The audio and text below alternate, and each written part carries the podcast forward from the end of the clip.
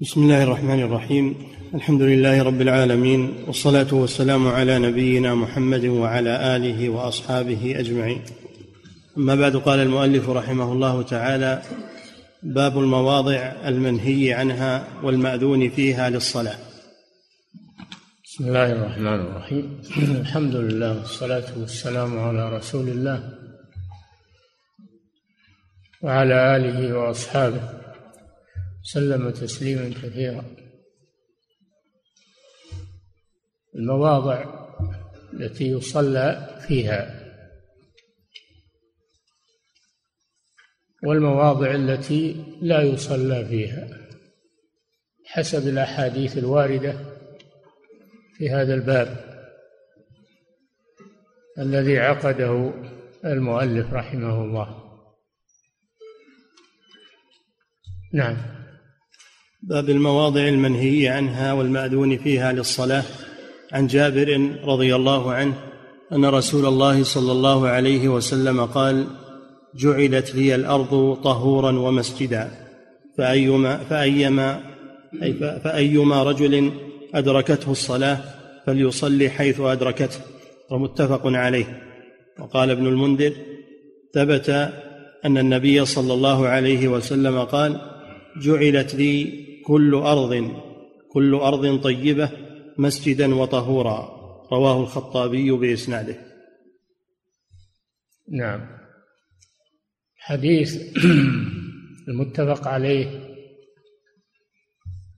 يدل على أن الأصل على أن الأصل أن يصلى في كل بقعة من الأرض. قوله صلى الله عليه وسلم جعلت لي الأرض أي جعلها الله له ولأمته. مسجدا يعني صلى فيها صلى فيها كل أرض. وفي الرواية الثانية طيبة قيدها بقوله طيبة يعني طاهرة. وليس وليست مغصوبة ومستولى عليها ظلم. هذه هي الطيبة. الرواية الثانية تقيد الرواية المطلقة. الأرض الطيبة لا الأرض غير الطيبة لا تجوز الصلاة فيها. وهذا ما تفسره الأحاديث الآتية في المواضع المنهي عن الصلاة فيها.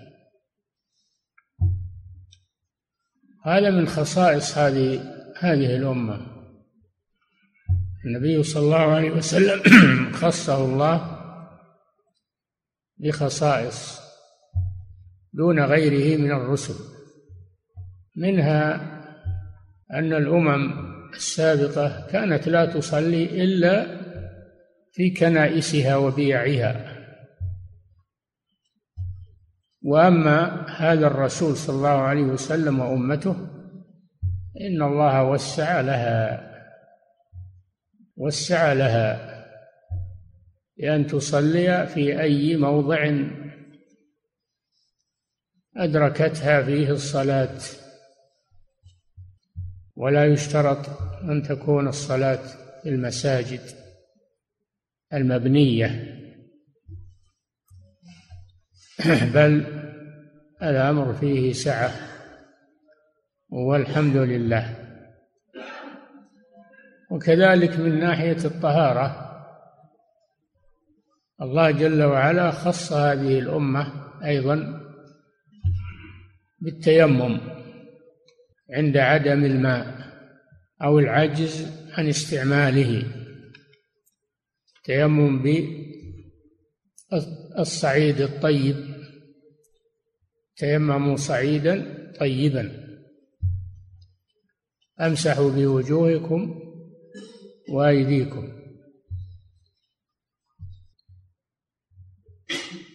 والأحاديث جاءت في هذا. بعضها لم يقيد أن كل الأرض محل للتيمم. بعضها قيد هذا بالصعيد وبالتراب والأمر في هذا واسع والحمد لله. نعم. وعن أبي ذر رضي الله عنه قال سألت رسول الله صلى الله عليه وسلم أي مسجد وضع أولا أي مسجد وضع أول؟ قال المسجد الحرام. قلت ثم أي؟ قال المسجد الأقصى. قلت كم بينهما؟ قال أربعون سنة. قلت ثم أي؟ قال حيثما أدركت الصلاة فصل فكلها مسجد. متفق عليه. نعم. النبي صلى الله عليه وسلم كما في الحديث السابق أمر بالصلاة في أي مكان من الأرض. أدركت المسلم الصلاة فيه. إلا ما استثني في الأحاديث الآتية هذا في الأرض يعني. وأما المساجد المبنية المساجد المبنية فلا شك أن أفضلها و واعظمها المساجد الثلاثة مساجد الأنبياء عليهم الصلاة والسلام مسجد الحرام وهذا بناه الخليل إبراهيم عليه الصلاة والسلام والمسجد الأقصى في فلسطين في القدس. وهذا بناه إسحاق بن إبراهيم عليه السلام. وسئل النبي صلى الله عليه وسلم كم كم بينهما من السنين؟ قال أربعون سنة. أربعون سنة. المسجد الحرام هو أقدمها. وبعده المسجد الأقصى بأربعين سنة. والمسجد النبوي بناه رسول الله صلى الله عليه وسلم لما هاجر إلى المدينة. هذه المساجد الثلاثة. وتفضل الصلاة فيها على غيرها كما في الحديث صلاة في مسجدي هذا عن ألف صلاة فيما سواه من المساجد إلا المسجد الحرام. صلاة في المسجد الحرام عن مائة ألف صلاة. صلاة في المسجد الأقصى عن خمسمائة صلاة. وما عداها من المساجد فكلها سواء. لا فضل لبعضها على بعض. نعم. وعن أبي سعيد رضي الله عنه أن النبي صلى الله عليه وسلم قال الأرض كلها مسجد إلا المقبرة والحمام. رواه الخمسة إلا النسائي. نعم هذا من المواضع المستثنات من الأرض. الأرض كلها مسجد يعني صالحة للصلاة فيها. المسجد يطلق ويراد به المصلى ويطلق ويراد به المسجد المبني. المسجد المبني. فالأرض كلها مسجد بالاعتبار الأول. صالحة للصلاة فيها. إلا مواضع سبعة. أولها اثنان في هذا الحديث. المقبرة. المقبرة لا يصلى فيها. لا يصلى في المقبرة لأن هذا وسيلة إلى الشرك. فلا يصلى صلاة الفريضة ولا النافلة في المقابر سواء كان قبرا واحدا أو قبور. لا يصلى. عندها حماية لجناب التوحيد من التعلق بالأموات والاستغاثة بالأموات وتعظيم الأضرحة. وأما صلاة الجنازة فلا بأس. صلى بالمقبرة ويصلى على القبر. هذا صلاة الجنازة خاصة. والثانية الحمام. موضع الثاني الحمام. وهو محل المستحم ولا و والاغتسال. الحمام الذي يعد للاستحمام به والعلاج به من من الأمراض العصبية. هذا هو الحمام. وكانوا يتخذون الحمامات في الأمصار ويستحمون فيها للتنظف وللعلاج فلا يصلى في الحمام بجميع ما يحويه جدار الحمام مداخله آه، في مغاسله في كل ما يتبع الحمام لإطلاق الحديث فلا يصلى فيه. لا فريضة ولا نافلة. نعم. وعن أبي مرثد الغنوي رضي الله عنه قال قال رسول الله صلى الله عليه وسلم لا تصلوا إلى القبور ولا تجلسوا عليها. رواه الجماعة إلا البخاري وابن ماجه. لا تصلوا إلى القبور يعني لا تستقبلوها في الصلاة. ولا تجلسوا عليها. نهى صلى الله عليه وسلم عن مسألتين تتعلقان بالقبور. الأولى الصلاة إليها بأن تتخذ قبلة مباشرة. أما لو كان بينك وبين المقبرة سور وجدار وأنت خارج المقبرة فلا مانع. إنما هذا داخل المقبرة. أو القبر الواحد لا تستقبله في صلاتك. لما سبق لأن هذا من اتخاذه مسجدا. وهذا يؤدي يؤول إلى الشرك. نعم. لا تصلوا إلى القبور ولا تجلسوا عليها. والمسألة الثانية لا تجلسوا عليها لأن هذا يؤذي الميت. تضرر به الميت وهذا فيه امتهان لحرمة الميت. انظروا جمع في هذا الحديث بين النهي عن الغلو في القبور والاستهانة بالقبور فلا يغلى فيها وتتخذ مساجد ولا تهان فيجلس عليها وتلقى عليها الزبالات والأذى وتستطرق. للأقدام أو للسيارات أو للمواشي هذا يؤذي الأموات. والواجب احترام المقابر عدم إهانة المقابر لأن لها حرمة. فلا يغلى فيها ولا ولا تمتهن. هذا هدي الإسلام في المقابر. نعم.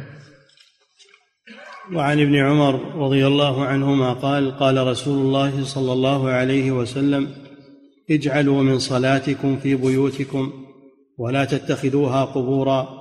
رواه الجماعة إلا ابن ماجه. اجعلوا من صلاتكم أي بعض صلاتكم في بيوتكم. والمراد صلاة النافلة. وصلاة النافلة في البيت أفضل منها في المسجد إلا ما جاء أنها تصلى في المسجد مثل صلاة الكسوف صلاة الاستسقاء. فهذه تصلى في المساجد التراويح في رمضان في شهر رمضان.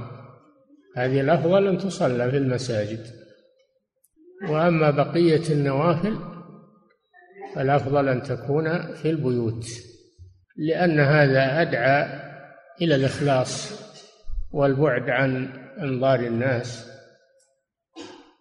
واجتناب الرياء ولأن هذا فيه منفعة للبيوت نفسها بإنارتها بذكر الله عز وجل وطرد الشياطين عنها فتنور البيوت بالصلاة فيها وذكر الله جل وعلا فيها ولا تكون ميتة مثل القبور. اجعلوا من صلاتكم في بيوتكم ولا تجعلوها قبورا لأن القبور لا يصلى. هذا فيه دليل على أن القبور لا يصلى عندها ولا في ما داخلها. أو مثل الأحاديث السابقة فيه النهي عن الصلاة في المقابر. نعم. وعن جندب بن عبد الله البجلي رضي الله عنه قال سمعت رسول الله صلى الله عليه وسلم قبل أن يموت بخمس وهو يقول إن من كان قبلكم كانوا يتخذون قبور أنبيائهم وصالحيهم مساجد. ألا فلا تتخذوا القبور مساجد إني أنهاكم عن ذلك. رواه مسلم. نعم. وهذا أيضا يؤكد ما سبق من الأحاديث في أن في أن من كان قبلنا من الأمم كاليهود والنصارى كانوا يتخذون القبور مساجد يعني مصليات ويبنون عليها مساجد. فنهانا صلى الله عليه وسلم قبل أن يموت بخمس خمس ليالي يعني. والمناسبة أنه لما قرب وفاته قربت وفاته صلى الله عليه وسلم خشي أن أن يغلوا في قبره وأن يبنوا عليه مسجدا مضاهاة لليهود والنصارى مع قبور أنبيائهم. فمن شفقته صلى الله عليه وسلم على أمته وحرصه على صيانة عقيدة الأمة نهى في هذا الوقت عن بناء المساجد على القبور واتخاذها مصليات اتخاذها مصليات لأن هذا أولا فيه تشبه باليهود والنصارى نحن منهيون عن التشبه بهم. وثانيا أن فيه غلوا في القبور وتعلقا بالأموات وهذا يخل بالعقيدة. فلذلك نهى في هذا الحديث عن اتخاذ القبور مساجد بأنواع من النهي. أولا قال إن من كان قبلكم كانوا يتخذون قبور أنبيائهم مساجد. هذا نهي عن التشبه بهم. هذه واحدة. ألا فلا تتخذوا القبور مساجد. هذا النهي الثاني نهي صريح. لا هذه لا الناهية. لا تتخذوا القبور مساجد. الثالثة قوله فإني أنهاكم عن ذلك. أنهاكم عن ذلك. فهذه العبارات الجليلة فيها التحذير من الغلو في القبور بالبناء عليها أو الصلاة عندها. ولو كان المصلي يصلي لله فلا يصلي عند القبور لأن هذا وسيلة إلى عبادتها من دون الله كما حصل. أما إذا قصد التقرب إلى الميت بصلاته بدعائه هذا شرك أكبر. لكن لو صلى لله عز وجل في المقبرة فهذا لا يجوز لأنه وسيلة إلى الشرك. وأما دعاء الأموات والاستغاثة بهم والذبح لهم فهذا شرك صريح شرك أكبر والعياذ بالله. والأول وسيلة إلى الثاني لأنه إذا صلى عندها لله تدرج به الشيطان إلى أن يغلو فيها ويعبدها من دون الله كما هو الحاصل في كثير من البلاد الإسلامية مع الأسف. وأول ما حدث البناء على القبور عند الشيعة. هم الذين دسوا على المسلمين البناء على القبور. وذلك بعد المئة الرابعة بعد القرون المفضلة التي أثنى عليها رسول الله صلى الله عليه وسلم.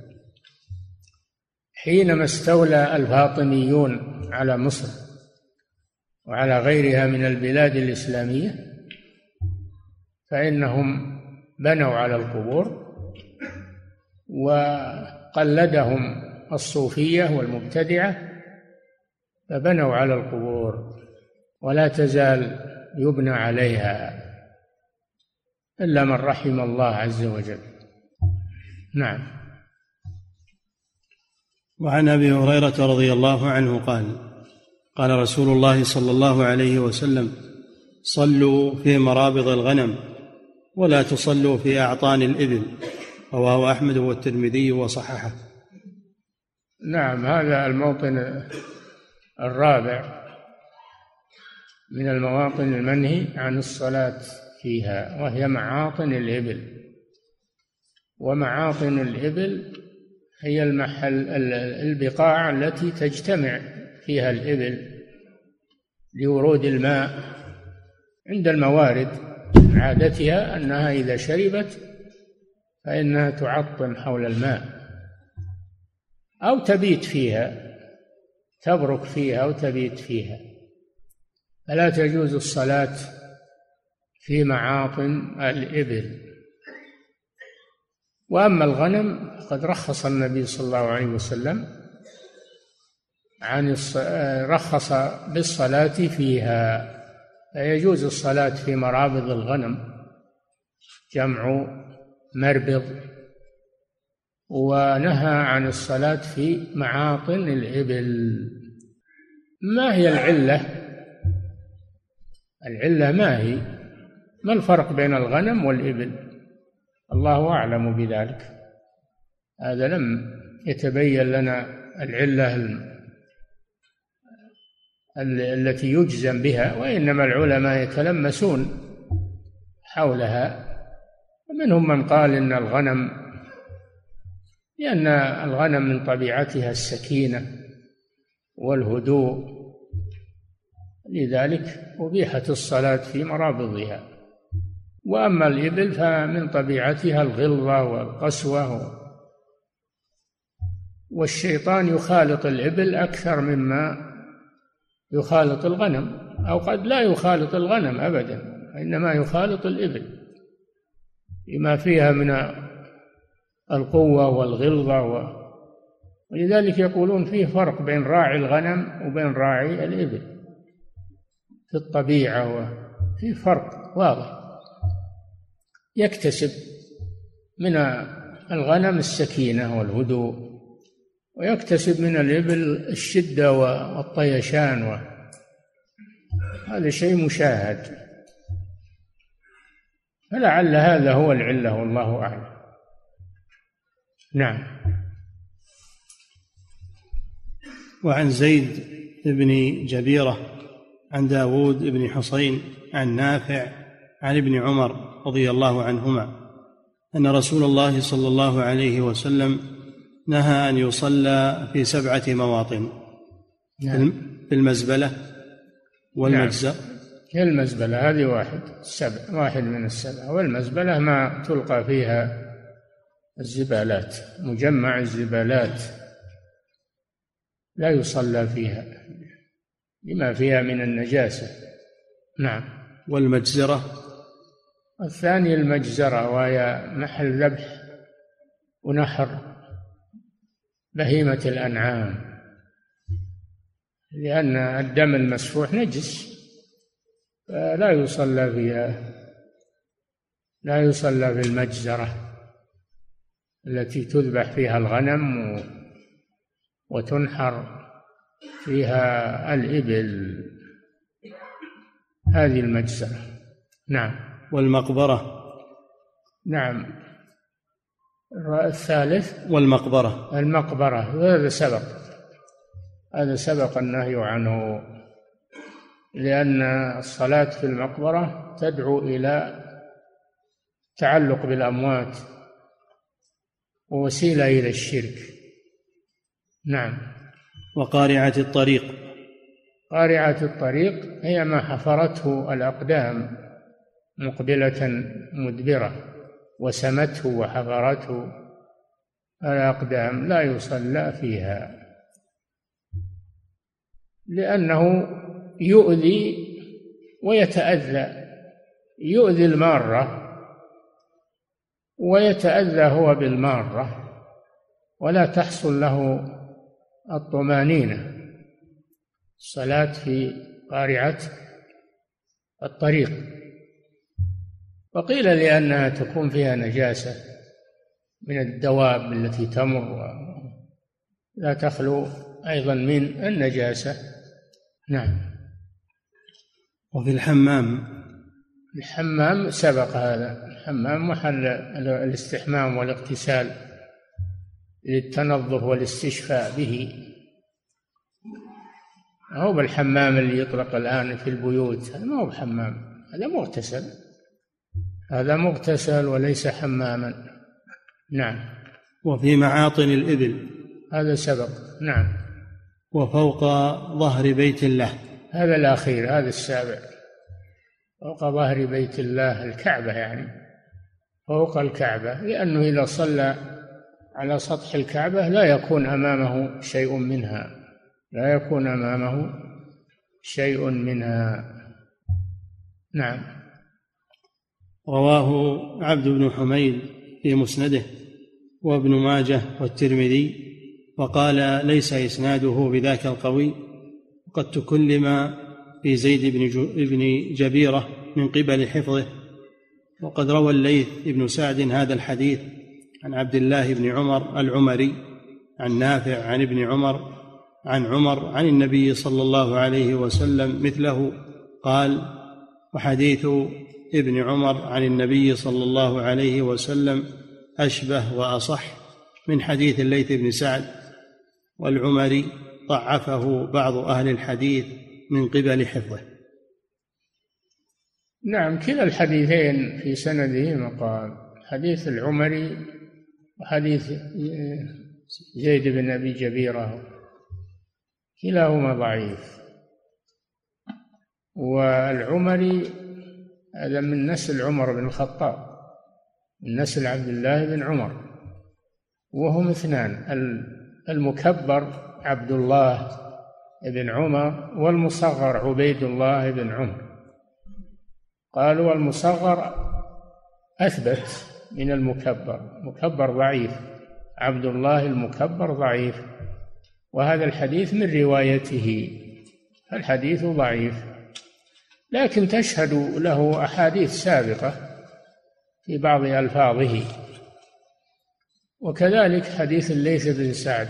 الليث بن سعد هو إمام أهل مصر في عهد مالك بن أنس في المدينة هو إمام جليل رحمه الله. إمام جليل. نعم.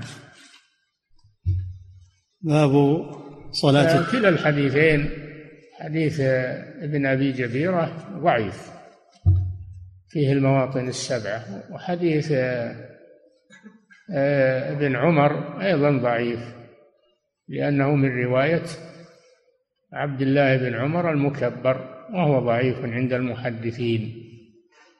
لكن فيه مواطن جاءت في الأحاديث الصحيحة كما سبق. نعم. باب صلاة التطوع في الكعبة. سبق أن أن من المواطن السبعة أنه لا يصلى على ظهر الكعبة يعني في سطح الكعبة. وأما في داخل الكعبة تجوز صلاة النافلة فيها صلاة النافلة فيها. لما ثبت أن رسول الله صلى الله عليه وسلم دخلها عام الفتح وصلى فيها هو وبعض أصحابه. النافلة تجوز في جوف الكعبة. نعم. وتجوز في في الحجر الحطيم لأنه من الكعبة. تجوز النافلة لكن الفريضة ما, ما تصلى فيها. نعم. باب صلاة التطوع في الكعبة. عن ابن عمر رضي الله عنه. شوف التطوع. يعني أما الفريضة فلا ما تصلى في داخل الكعبة. نعم. عن ابن عمر رضي الله عنهما قال دخل رسول الله صلى الله عليه وسلم البيت هو وأسامة بن زيد وبلال وعثمان بن طلحة فأغلقوا عليهم. فلما فتحوا كنت أول من ولج فلقيت بلالا فسألته هل صلى فيه رسول الله صلى الله عليه وسلم؟ فقال نعم بين العمودين اليمانيين متفق عليه. نعم. هذا الحديث فيه أن النبي صلى الله عليه وسلم دخل الكعبة عام الفتح. لما فتح الله عليه مكة دعا بعثمان بن شيبة الحاجب حاجب الكعبة الذي عنده الحجابة والسدانة ففتحها له ففتحها للرسول صلى الله عليه وسلم. فدخلها صلى الله عليه وسلم هو وأسامة بن زيد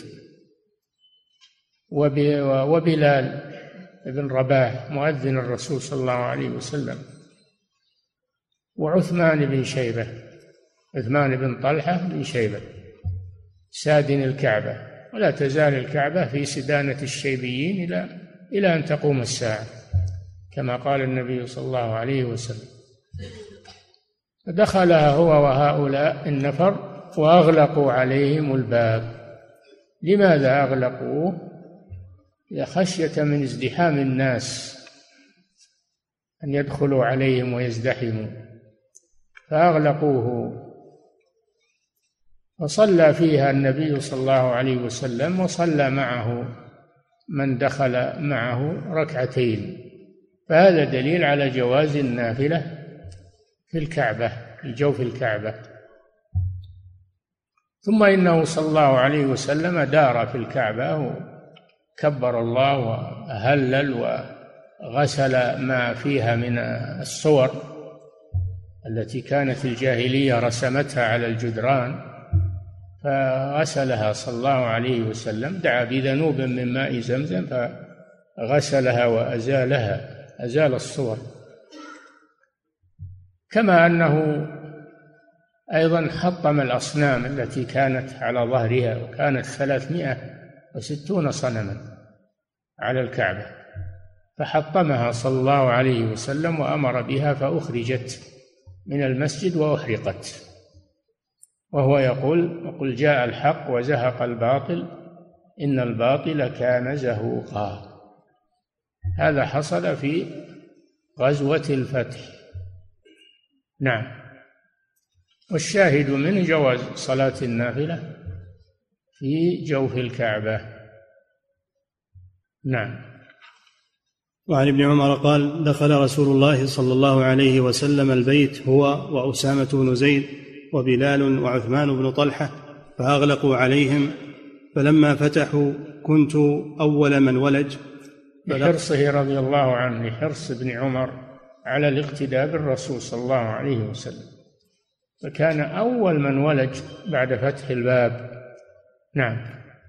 فلما فتحوا كنت أول من ولج فلقيت بلالا فسألته هل صلى فيه رسول الله صلى الله عليه وسلم؟ فقال نعم. بين العمودي بين العمودين اليمانيين متفق عليه. العمودين اليمانيين اللذين يليان اليمن جنوبي الكعبة لأنها تقوم على أعمدة. الكعبة تقوم على أعمدة في سطحها سطحها يقوم على أعمدة. نعم. وعن ابن عمر رضي الله عنهما أنه قال لبلال رضي الله عنه هل صلى هل صلى رسول هذا الله؟ هذا فيه دليل على على مشروعية دخول الكعبة لولاة الأمور لولاة الأمور. وفيه دليل على الصلاة في داخلها صلاة النافلة. نعم. وعن ابن عمر رضي الله عنهما أنه قال لبلال رضي الله عنه هل صلى رسول الله صلى الله عليه وسلم في الكعبة؟ قال نعم. ركعتين بين الساريتين. عن يسارك إذا دخلت. ثم خرج ثم خرج. عن يسارك إذا دخلت يعني من جهة اليمن. اليمانيان أو اللذان عن يسارك إذا دخلت. المعنى واحد. وفيه بيان عدد الصلاة التي صلاها الرسول صلى الله عليه وسلم وأنها ركعتان فقط. نعم. قال نعم ركعتين بين الساريتين عن يسارك إذا دخلت. ثم خرج فصلى في وجهة الكعبة ركعتين. رواه أحمد والبخاري. ثم خرج صلى الله عليه وسلم من الكعبة بعد ما فرغ من من شأنها وصلى أيضا صلاة ثانية خارج الكعبة متوجها إليها. نعم. باب الصلاة في السفينة. نعم. عن ابن عمر رضي الله عنه. سبق لنا البقاع التي يصلى فيها من الأرض. والآن الصلاة في السفينة. السفينة ليست من الأرض بل هي متصلة بالأرض. والصلاة في الطائرة الآن في الجو هذه أمور ينتفع منها في العصر الحاضر. الصلاة في السفينة الصلاة في السيارة الصلاة على الراحلة إلى آخره. يعني ما اتصل بالأرض أو كان في الجو لأن الهواء له حكم القرار. نعم. باب الصلاة في السفينة. عن ابن عمر رضي الله عنهما قال سئل النبي صلى الله عليه وسلم كيف أصلي في السفينة؟ قال صل فيها قائما إلا أن تخاف الغرق. رواه الدار قطني والحاكم أبو عبد الله في المستدرك على شرط الصحيحين. المستدرك كتاب للحاكم استدرك فيه الأحاديث التي يرى صحتها وهي ليست في الصحيحين. استدركها على الصحيحين رحمه الله. وقد يكون عليه بعض الملاحظات في تصحيحه لأن عنده تساهل للتصحيح. هذا ما أصل المستدرك لأبي عبد الله الحاكم. وهذا الحديث فيه أنه سئل عن الصلاة في السفينة مراكب البحرية. قال نعم صلي قائما إلا إذا خشي الغرق. إذا كان وقوفه في السفينة يخل بتوازن السفينة يخل بتوازن السفينة. ويخشى أن تغرق فإنه يصلي جالسا. لأن السفينة بمثابة الحجرة مثابة الحجرة. يقف فيها الإنسان ويقوم ويقعد ويمشي. بمثابة الحجرة. كذلك الطائرة في الجو فيصلي فيها إلا إذا خشي من الوقوف أو اجتمع ناس يصلون في ناحية الطائرة ويخشى أنها يختل توازنها فإنهم يصلي كل في مكانه ولا يجتمعون في ناحية واحدة من الطائرة. وإن تمكنوا من الصلاة قائمين يصلون قائمين وإن لم يتمكنوا صلوا جالسين. وهذا من تيسير الله عز وجل.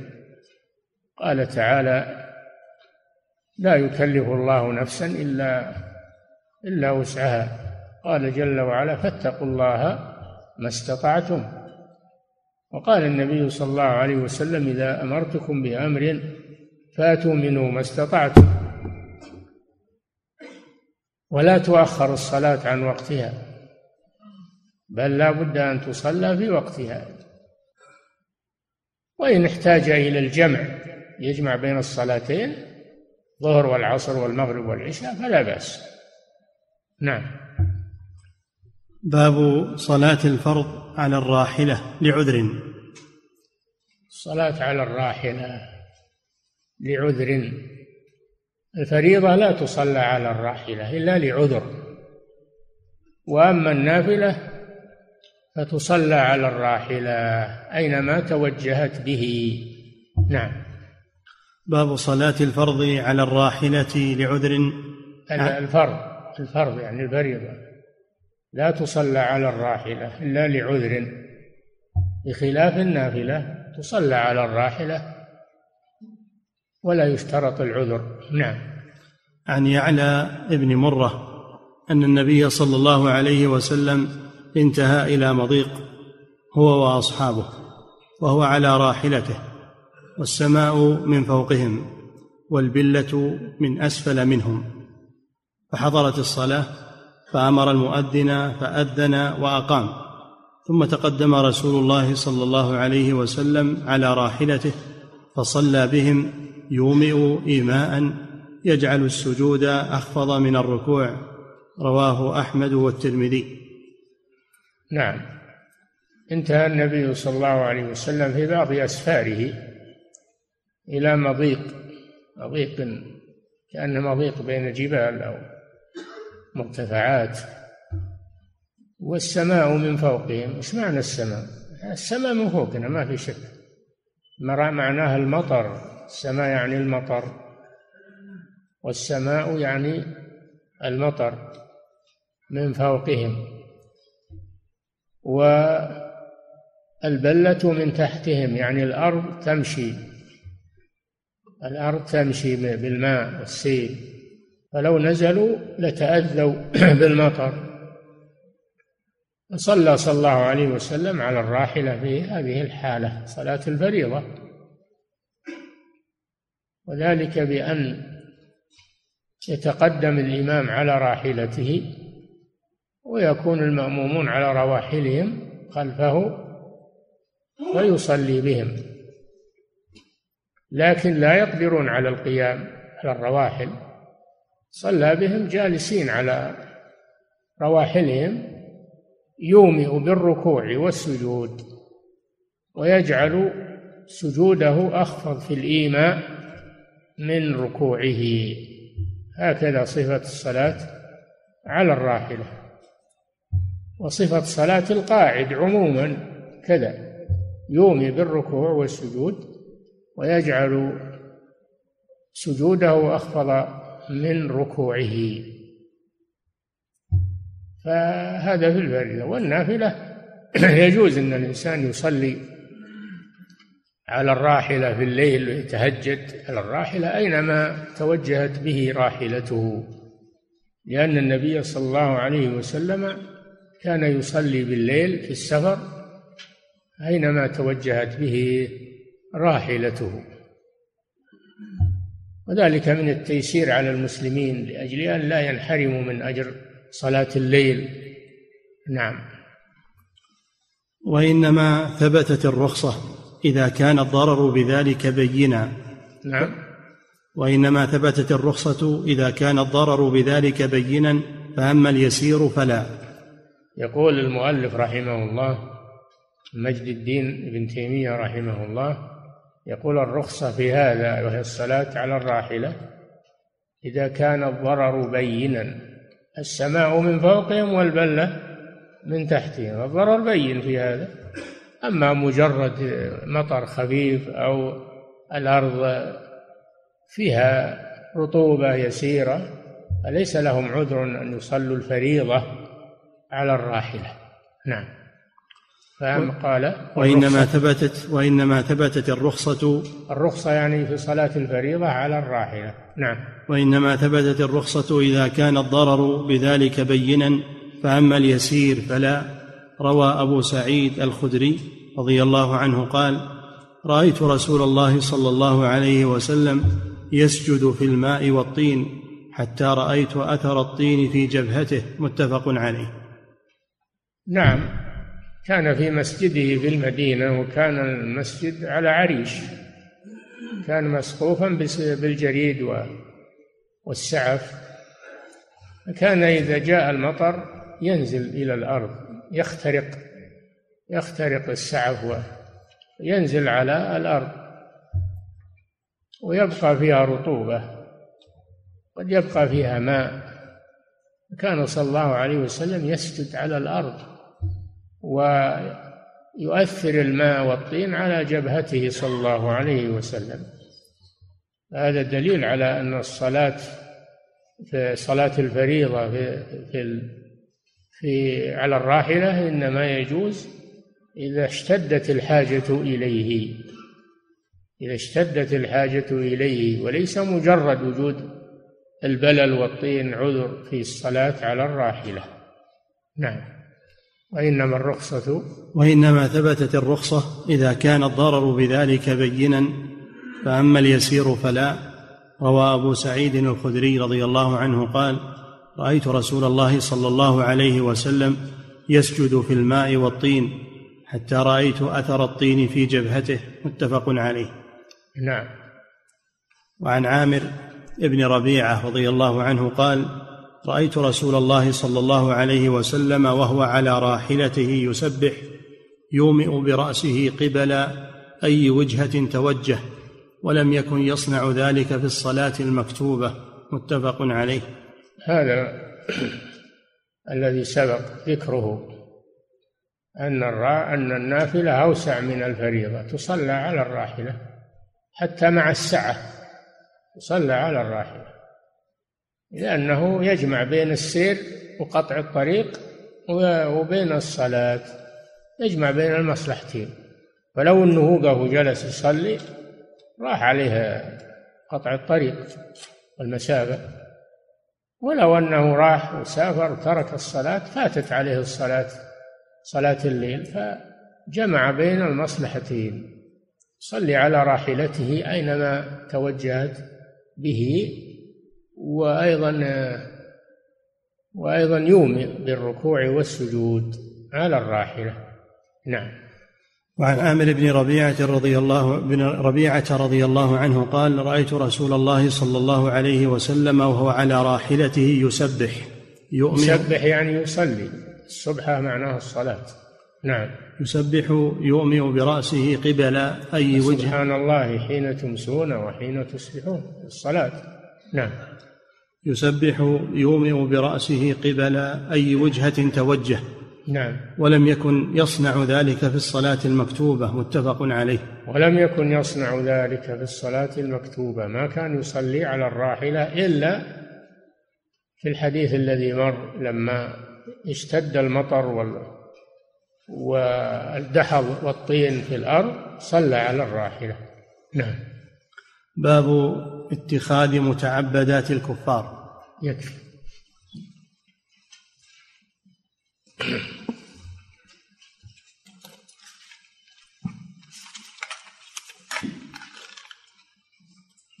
فضيلة الشيخ وفقكم الله. بقول النبي صلى الله عليه وسلم اجعلوا من صلاتكم في بيوتكم ولا تتخذوها قبورا. هل تكفي صلاة النساء فيها كي لا تتخذ قبورا؟ هذا خطاب للرجال. هذا خطاب للرجال.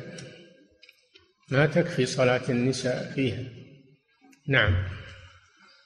فضيلة الشيخ وفقكم الله يقول عندنا في سكن العمل مسجد فيه فرش ومكبرات للصوت. عندنا. عندنا في السكن الذي في العمل مسجد فيه فرش ومكبرات للصوت ويصلى فيه في جميع الصلوات. لكن ليس فيه إمام. ليس له إمام راتب وهو عرضة للإزالة. في أي وقت؟ سؤاله هل لهذا المسجد المذكور أحكام المساجد الأخرى؟ لا هذا مصلى. هذا مصلى وليس مسجدا. لا يأخذ يعني يكون وقف. ما هو وقف هذا؟ ويجوز أن تجلس فيه الحائض ويجوز أن أن يتخذ ممرا إلى آخره فهذا ليس مسجد. إنما هو مصلى. لا يأخذ أحكام المسجد. نعم. فضيلة الشيخ وفقكم الله هل يدخل في النهي عن الصلاة في الحمام ما يعرف الآن باسم المسبح؟ وما حد النهي إذا كان هذا المسبح في استراحة مثلا؟ لا ما يأخذ حكم الحمام. المسبح ما هو بحمام.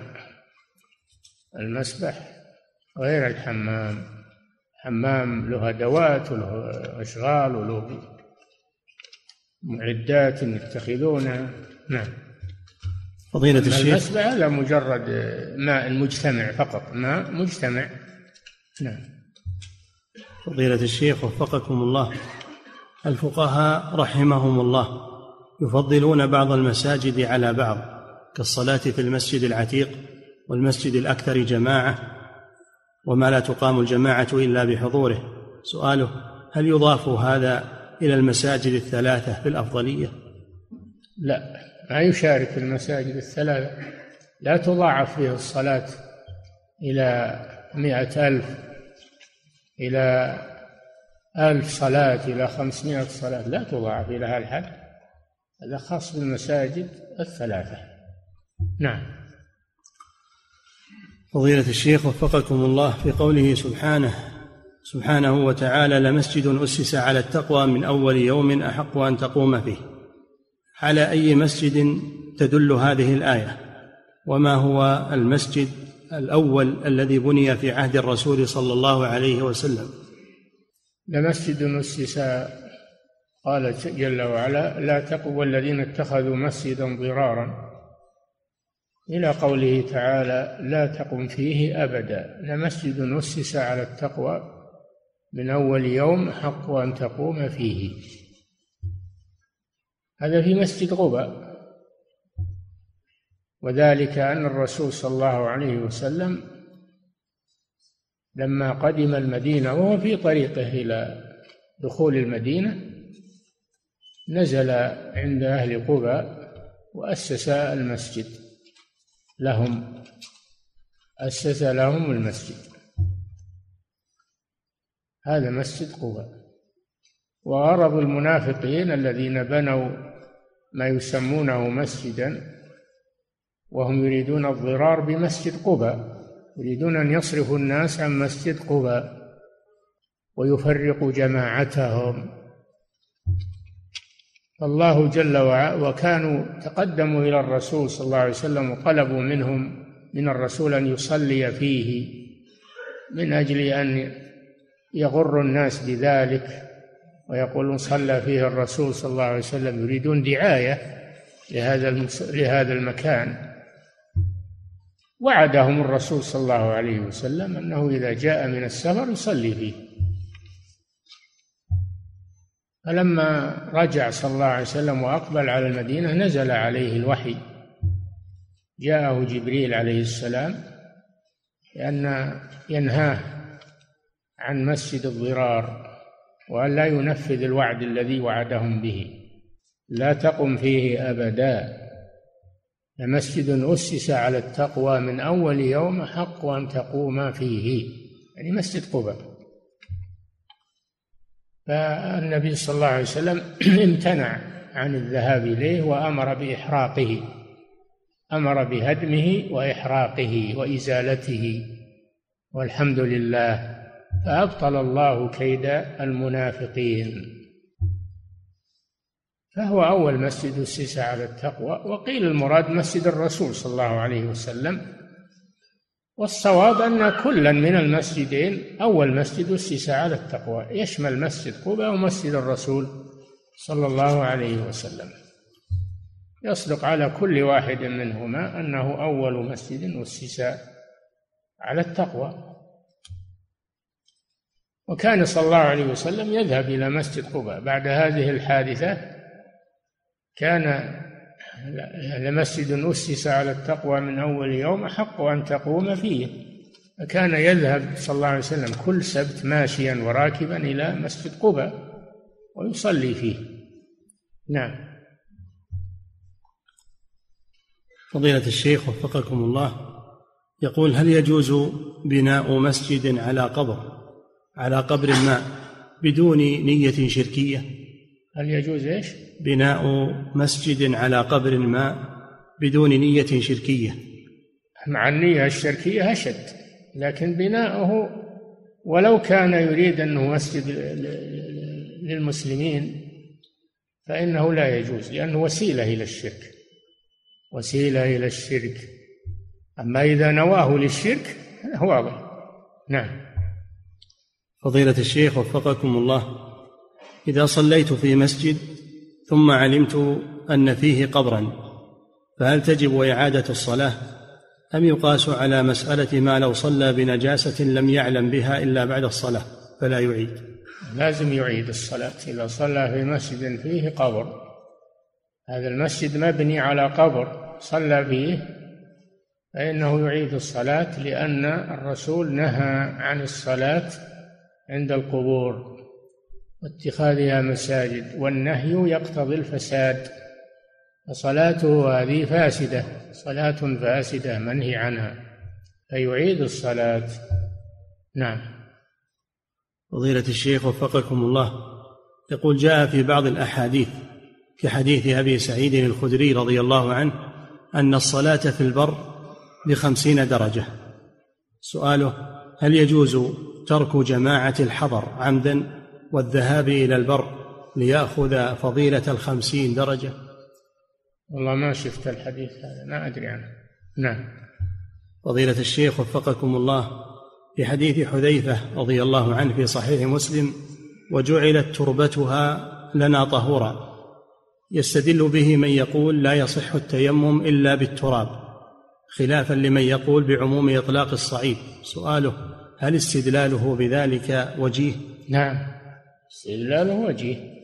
والذين قالوا يصح التيمم على جميع آه، سطح الأرض الطهور يكون طهور يكون لازم يكون طهور.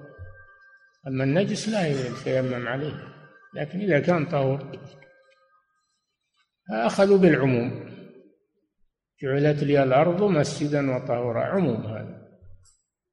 ورواية تربتها طهورا هذه أخذ بها من خصص أن يكون التيمم بالتراب.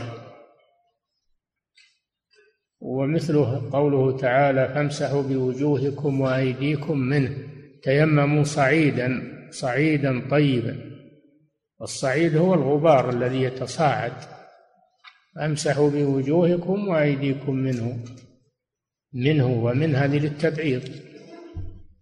فقالوا لا بد أن يعلق بيده شيء من الأرض يمسح به وجهه وكفيه والأولون أخذوا بالعموم وقالوا وجعلت تربتها هذا من أفراد العام من أفراد العام ولا يخصص العام إذا كان هذا من هذا إذا كان يعني العام إنما يخصص بشيء آخر.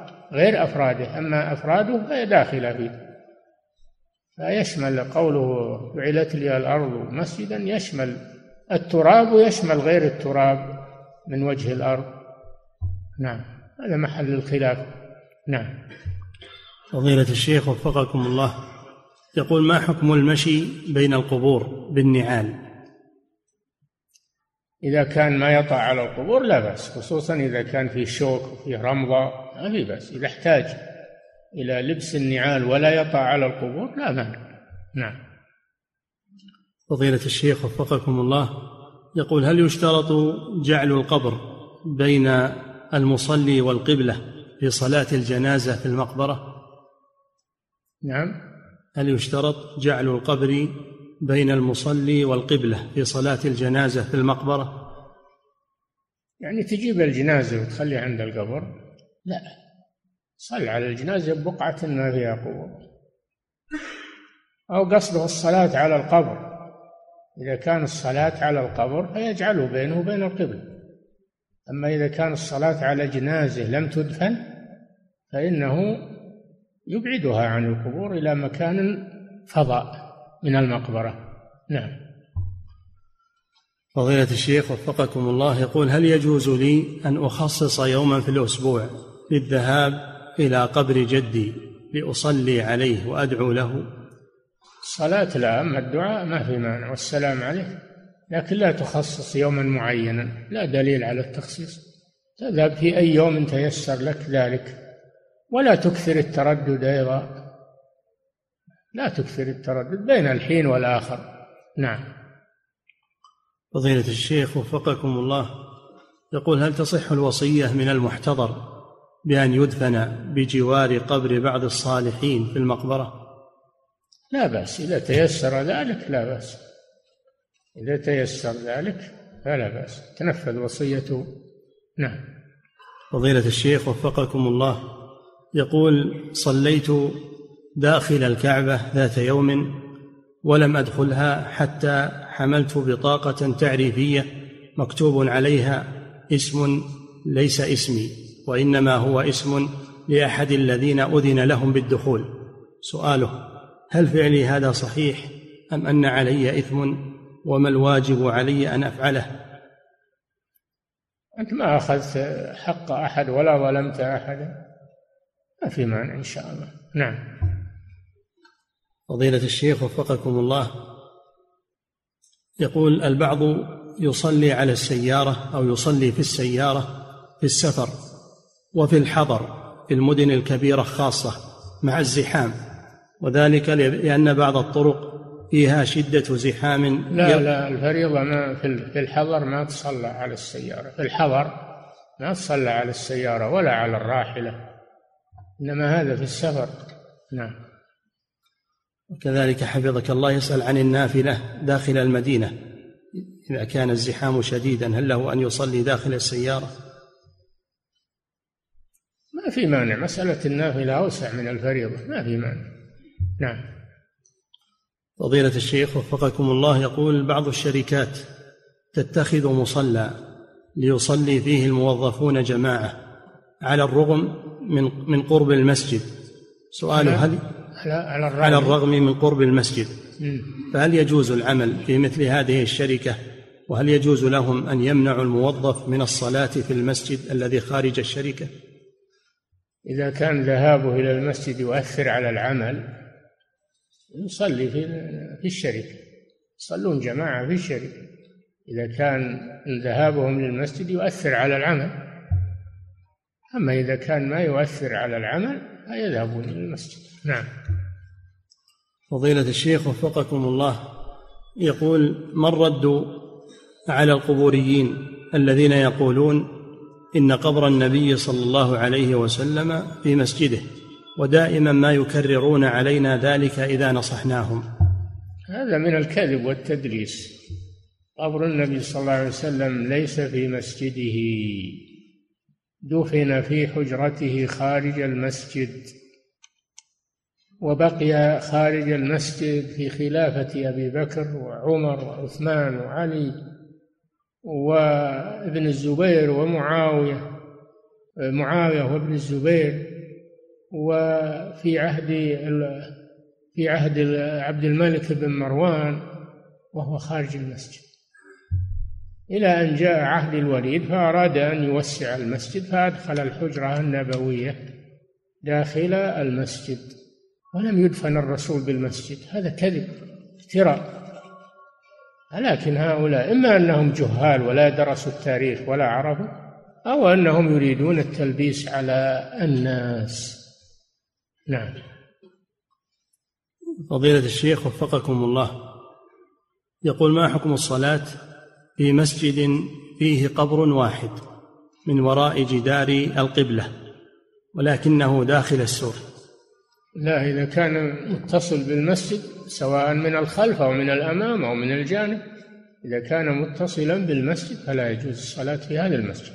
أما إذا كان بين القبر أو القبور فاصل بينه وبين المسجد من طريق أو فضاء فلا مانع من ذلك. نعم. فضيلة الشيخ وفقكم الله يقول هناك ما يسمى عند عند الناس بدوار البحر. يصيب. هناك ما يسمى بدوار البحر.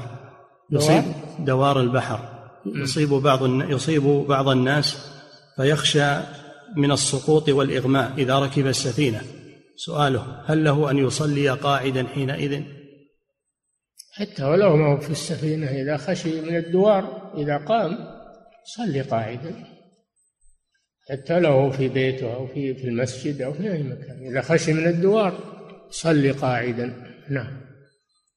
فضيلة الشيخ وفقكم الله يقول قارعة الطريق هل يدخل فيها ما تكاثر عليه سير السيارات كالذي يكون في البر يكون طريقا للسيارات هل يدخل في ذلك؟ هذا أخطر.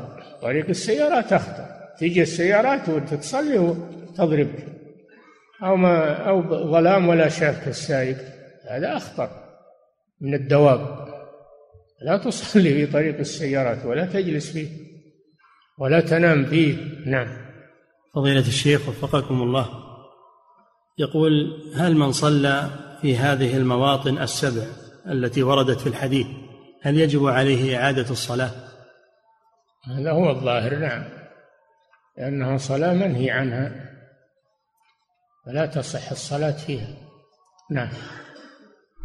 فضيلة الشيخ وفقكم الله يقول في بعض المساجد يوجد على الأطراف مكان مخصص للمشي. هل يأخذ حكم قارعة الطريق فلا يجوز للناس أن يصلوا فيه؟ لا ما يأخذ حكم قارعة الطريق هذا من المسجد ولكن يفسح للمارة. لا يصلي فيه بل يفسح للمارة. يمرون لأن هذا فيه ضرر على المارة. نعم. فضيلة الشيخ وفقكم الله. ورد عن النبي صلى الله عليه وسلم أنه صلى النافلة داخل الكعبة. يقول ما المانع من جواز الفريضة فيها ما ورد. المانع أنه ما ورد يا أخي. ما نحط شيء ما ورد. نعم. الرسول ما دخل لما جاءت الفريضة وصلى داخل الكعبة إنما صلى النافلة فقط. نعم. يقول فضيلة الشيخ وفقكم الله. يقول صلينا في منى؟ صلينا في منى وكنا مع الحجاج وبين الخيام. وكانت وكانت الزبالة قريبا منا. يقول بمتر أو بمترين أو ما هي مزبلة هذه ما هي مزبلة. هذا الزبالة مجموعة في مكان وتبي ترفع وتشال. نعم ما هي مزبلة. نعم. فضيلة الشيخ وفقكم الله المزبلة المكا... المكان المعد لوضع الزبالة فيه نعم فضيلة الشيخ وفقكم الله يقول في حال الضرورة هل تصلى الفريضة على ظهر الحمار؟ في حال إيش؟ الضرورة في حال العذر هل تصلى الفريضة على ظهر حمار؟ إيه وش المانع؟ وش المانع؟ الحمار مركوب مركوب ويباح ركوبه حتى لو له عرق لو في عرق ما يضر عرق الحمار للحاجة. نعم. فضيلة الشيخ وفقكم الله الإيماء هل يكون بالرأس أو بالبدن جميعا؟ يكون بالرقبة بالرقبة والرأس. بالرأس والرقبة جميعا. نعم.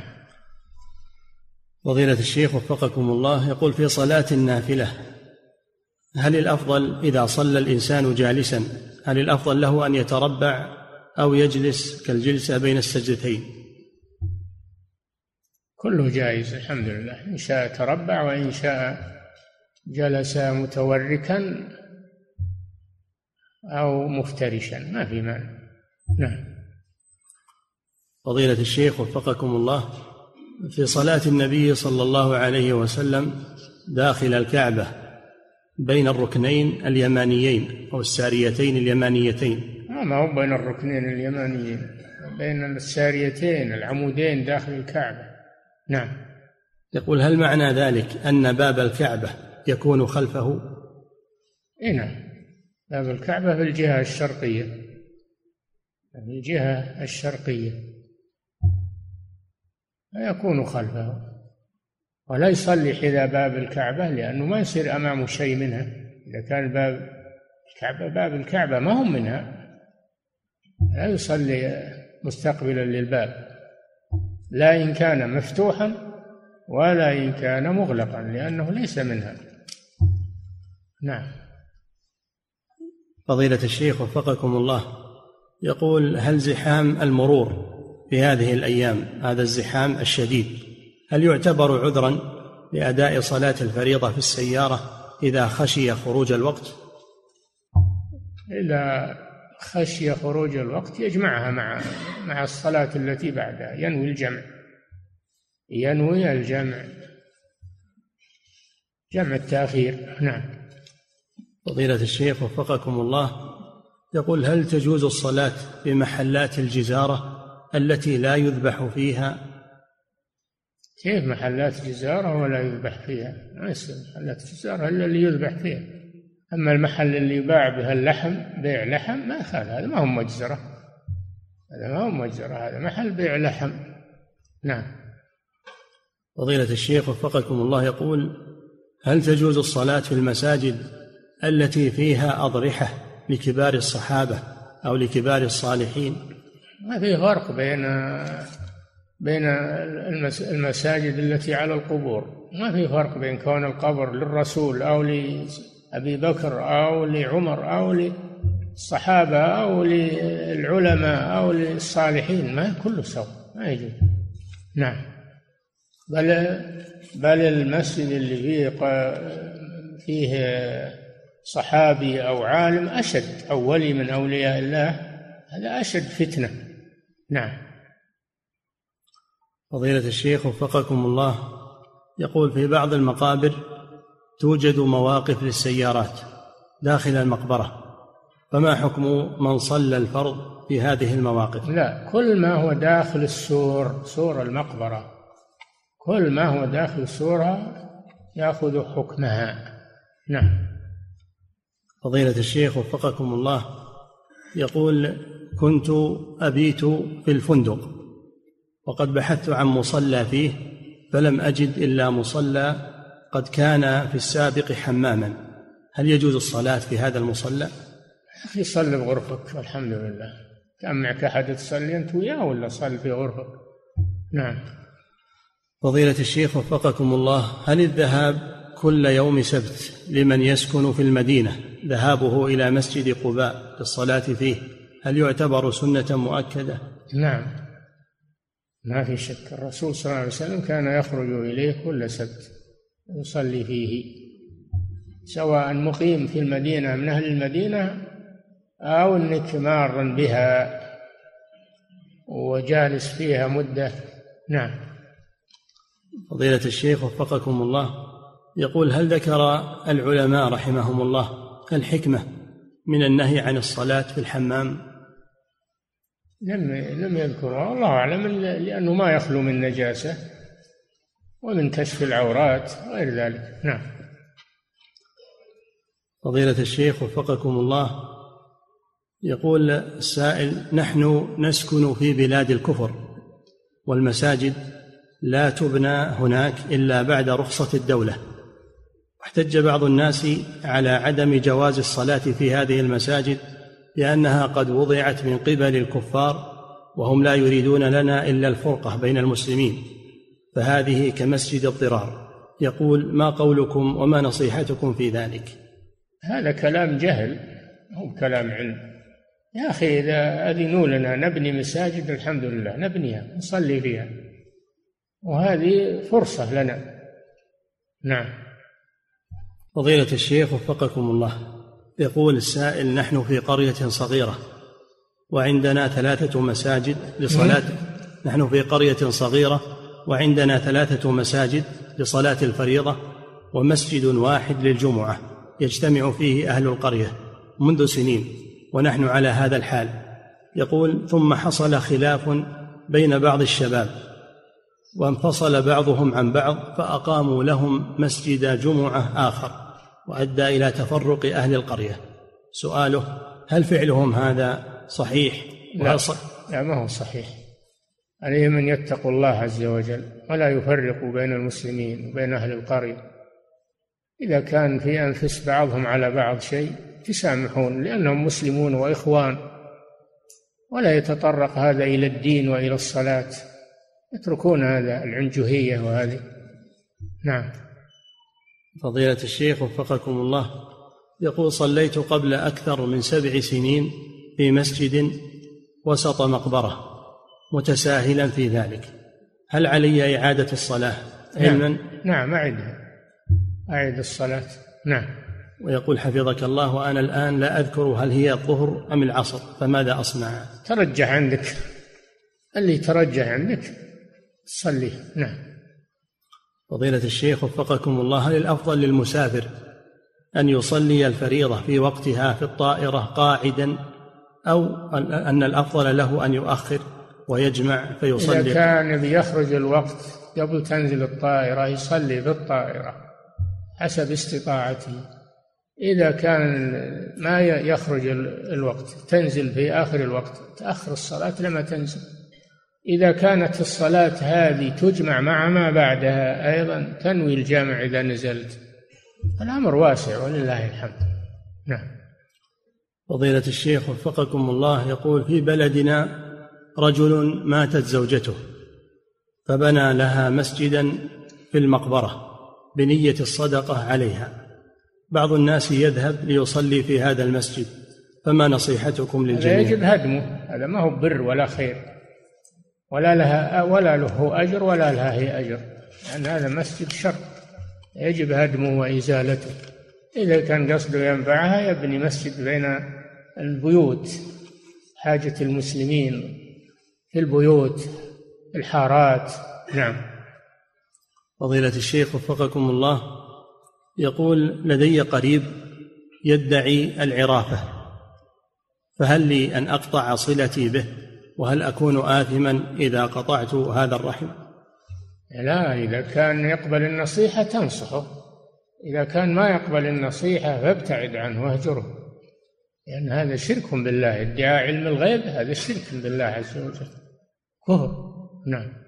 فضيلة الشيخ وفقكم الله هل من السنة عندما يدفن الميت أن يجلس الناس ويقوم شخص ويعظهم موعظة وهم جلوس؟